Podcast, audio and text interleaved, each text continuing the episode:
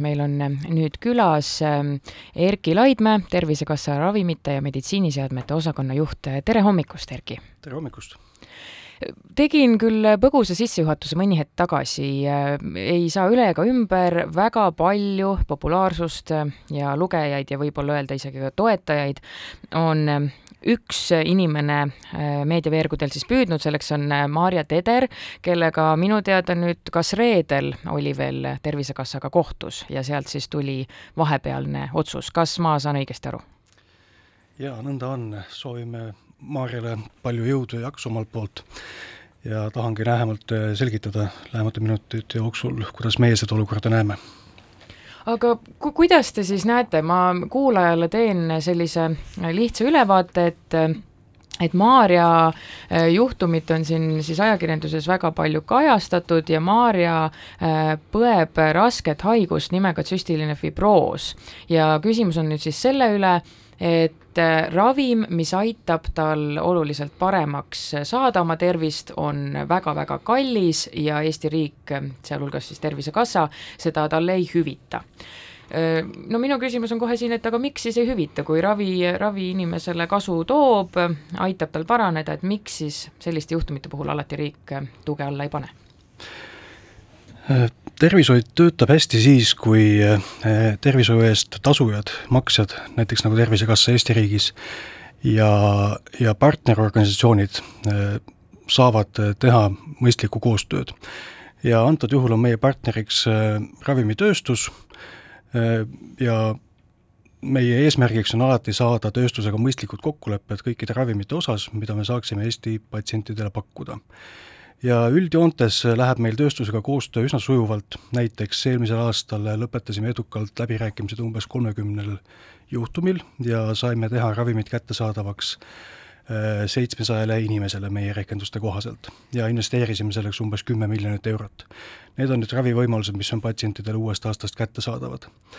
aga aeg-ajalt tuleb ette juhtumeid, kus me ei saa tööstusega mõistlikule kokkuleppele ja, ja see, millest me täna räägime, on üks, üks selline näide ma saan aru, et küsimus on ka selles, et kas siis ähm, tervisekassa hüvitaks inimese ravimi saja protsendi ulatuses või siis null protsenti, ehk siis üldse mitte midagi, kas seal ka midagi vahepealset on, kas saab üldse kokku mängida umbes midagi sellist, et pool näiteks maksab, ähm, maksab inimene ise annetajate abil, aga pool ikkagi Tervisekassa? Ähm, me oleme selle peale palju mõelnud, sest seda ettepanekut on varem ka tehtud, aga me ei ei ole leidnud seni ei juriidilist ega ka tegelikult sellist sisulist põhjendust, kuidas me saame lahendada ainult pool ülesannet. võtame sellesama Maarja näite, tema ravimid maksavad ühes kuus umbes seitseteist tuhat eurot ja kui me lepiksime kokku näiteks, et kaheksa tuhat tasub riik, siis jääb kaheksa tuhat ja natuke peale veel kellelegi teisele tasuda. ja selliseid inimesi, kes suudaks seda oma taskust teha, on Eestis ilmselt ülivähe. ja, ja neid, kes suudaks seda näiteks annetajate abiga teha, Eh, oleks võib-olla rohkem, aga see annetajate panus seal ei ole ju kuidagi kindel. see võib ühel hetkel ära kaduda, väheneda ja me oleme ikka selle küsimuse ees, et, eh, et ravim on kättesaamatu. et see on põhjus, miks me seda liini ise ei otsi midagi ei ole teha, inimeste ravimine, tervisest hoolt kandmine ongi kallis ka siis, kui näiteks noh, mina lähen perearsti juurde, teatav kulu sellest ju maksumaksjale tekib mõni ravim on lihtsalt kallim kui teine. ma küsin siis nii, et kus see piir on, millist, milline on see summa, mida on riik nõus maksma, ütleb, et see nüüd on äh, okei okay hind, mida ühe elu eest maksta see enam ei ole ähm,? piiride seadmise küsimus on alati hästi keeruline, ükstapuha, kuhu sa selle piiri paika paned, ilmub välja keegi, kes soovib seda nihutama hakata ja eriti on seda näha just nimelt harva esinevate haiguste ravimite puhul. Äh, nendele ravimitootjatele on tehtud tänaseks päris palju erinevaid järeleandmisi, näiteks selle osas, et et milline tõendusmaterjal tuleb esitada ravimi kohta, seal oleme teinud väga palju järeleandmisi. Äh, nende ravimite nii-öelda menetlusprotsess on tehtud oluliselt lihtsamaks ja, ja samuti oleme teinud järeleandmisi ka ravimite maksumuse osas, me maksame oluliselt rohkem kui näiteks vähihaigele eh, vaja minema ravimi eest harva esinevate haiguste korral. Eh, aga, aga, aga jätkuvalt on sellest vähe ja veel kord, ükstapuha, kuhu sa piiri tõmbad, eh, soovitakse sellest alati seda nihutada kaugemale. ja, ja siin olemegi jõudnud taas üle, üle piiri kordades kui palju Tervisekassal selliseid ütleme, vaidlusjuhtumeid üldse on, et meie küll teame tõepoolest Maarja juhtumit, kindlasti ka võib-olla mõne väikelapse juhtumit, kus vanemad annetusi korjavad, aga aga Erki Laidmäe Tervisekassast äkki oskate öelda, kui, kui sagedased tegelikult sellised vaidlused on?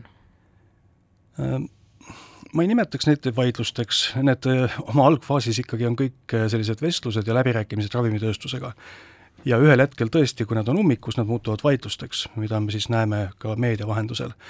ja noh, just nimelt, et neid on aastas võib-olla mõned juhtumid, mida me siis äh, sellisena saame käsitleda.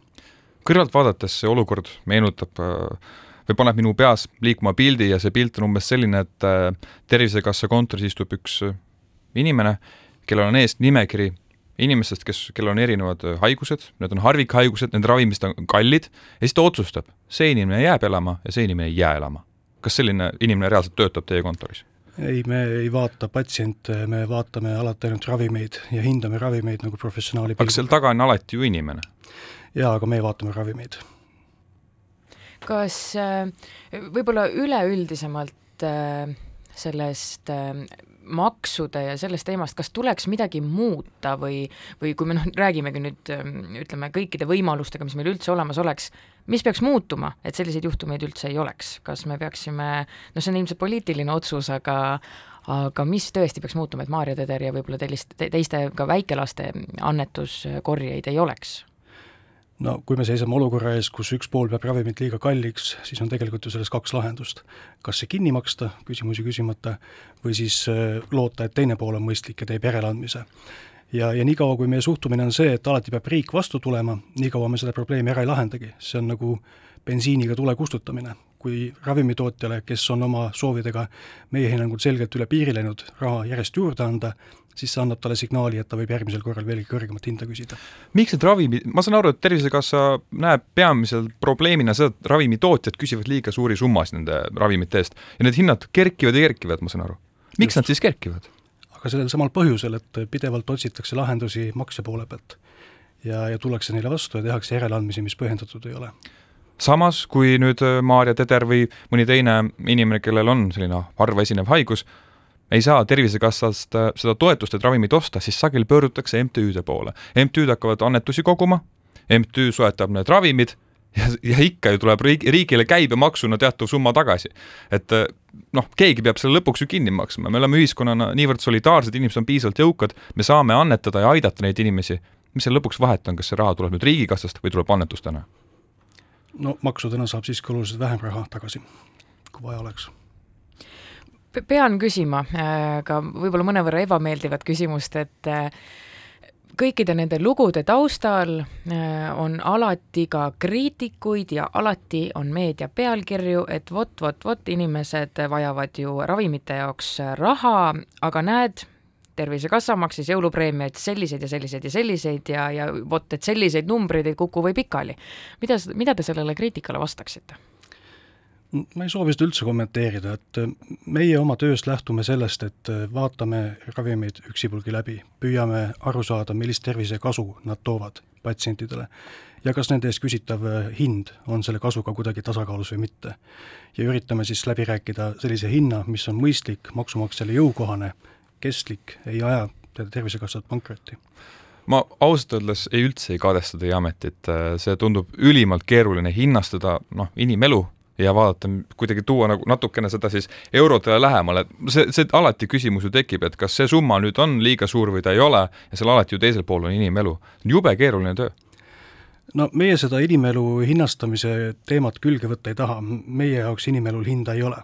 me saame lähtuda ainult nendest võimalustest, mis maksumaksja meile on andnud igal aastal öeldakse meile, näete, siin on see tulu, mida te saate kasutada, mille me oleme maksudena kokku korjanud ja palun tehke meile sellest maksimaalselt äh, hea tervishoid. see on meie missioon ja ülesanne kuidas sellel aastal või millal teil see eelarvestamine on, et äh, kuidas nüüd, arvestades ka seda majandusseisu, inflatsiooni, kõike veel, et milline see eelarve nüüd tõotab tulevat, on ta, on ta kitsam kui varem või, või ikkagi koidab seal valgust? Ei, ta on ikka aasta-aastalt äh, järjest pingelisem, äh, ilmselt sellel aastal saame veel hakkama, aga alates järgmisest aastast, kui midagi ei muutu, on, hakkavad miinused paistma. ja lõpetuseks, mis äh, seisus siis praegu ikkagi see äh, Maarja Tederi juhtum on? alguses, saate alguses küll põgusalt mainisin selle, sellest, aga aga nüüd ma saan aru, et see vaidlus vist läheb edasi või oskate te üldse öelda?